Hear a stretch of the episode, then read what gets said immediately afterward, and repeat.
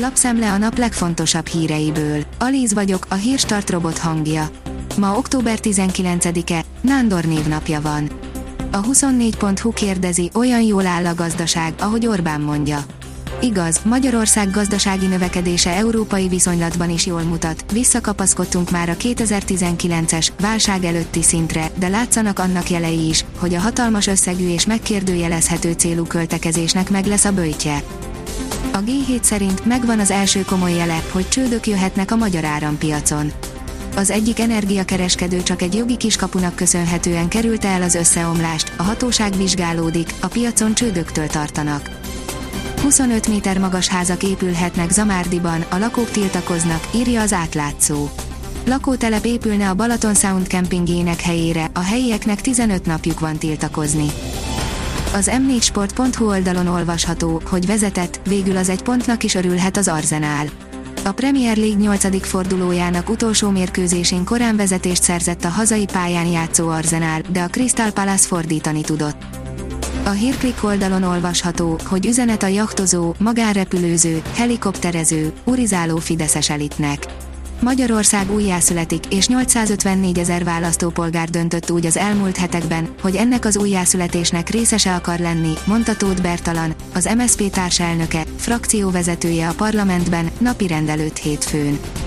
Az ATV teszi fel a kérdést, mit gondol a külföldi sajtó Márki győzelméről az előválasztáson. Orbán Viktor kormányra kerülése óta most először találta magát szembe az Egyesült Ellenzékkel, Márki Zaj Péternek pedig mindenkinél jobb esélye van a miniszterelnök leváltására. Ezt emelte ki a nemzetközi sajtó, amely beszámolt az előválasztásokról.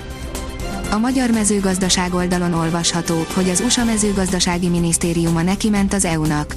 Az Unió termőföldtől az asztalik stratégiájának célja, hogy az élelmiszertermelést igazságossá és egészségesebbé tegye, miközben csökkenti a növényvédőszerek használatát. Tom Vilsack amerikai mezőgazdasági miniszter azonban vehemensen ellenzi ezt. A kitekintő oldalon olvasható, hogy a cseh államfői jogkörök átruházásáról egyeztetnek ma. Milos Zeman cseh államfő a Prágai Központi Katonai Kórház véleménye szerint jelenleg nem képes ellátni a tisztségéből eredő feladatokat. Az Infostart oldalon olvasható, hogy a járvány felgyorsította a menekülést a magyar nagyvárosokból. Jelentősen felgyorsult a legnagyobb magyar városok népességének csökkenése 2020-ban, miközben a környékükön lévő települések lakosság számának emelkedése ugyanilyen látványosan nőtt.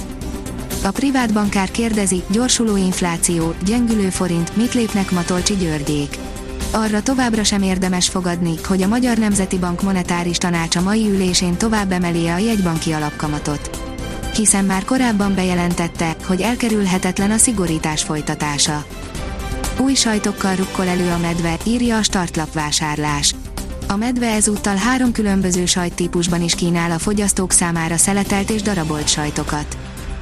Kézi meccs miatt nőtt a koronavírusos betegek száma, írja a 24.hu.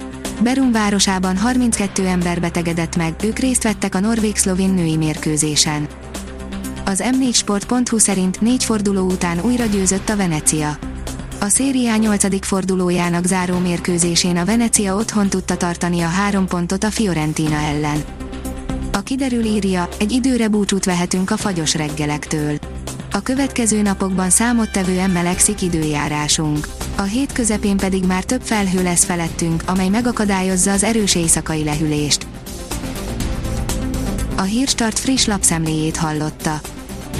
Ha még több hírt szeretne hallani, kérjük, látogassa meg a podcast.hírstart.hu oldalunkat, vagy keressen minket a Spotify csatornánkon. Az elhangzott hírek teljes terjedelemben elérhetőek weboldalunkon is. Ha weboldalunkon hallgat minket, az egyel korábbi adás lejátszása automatikusan elindul beállíthatja, hogy az összes korábbi adás, vagy csak az aktuális tematika hírei következzenek. Köszönjük, hogy minket hallgatott!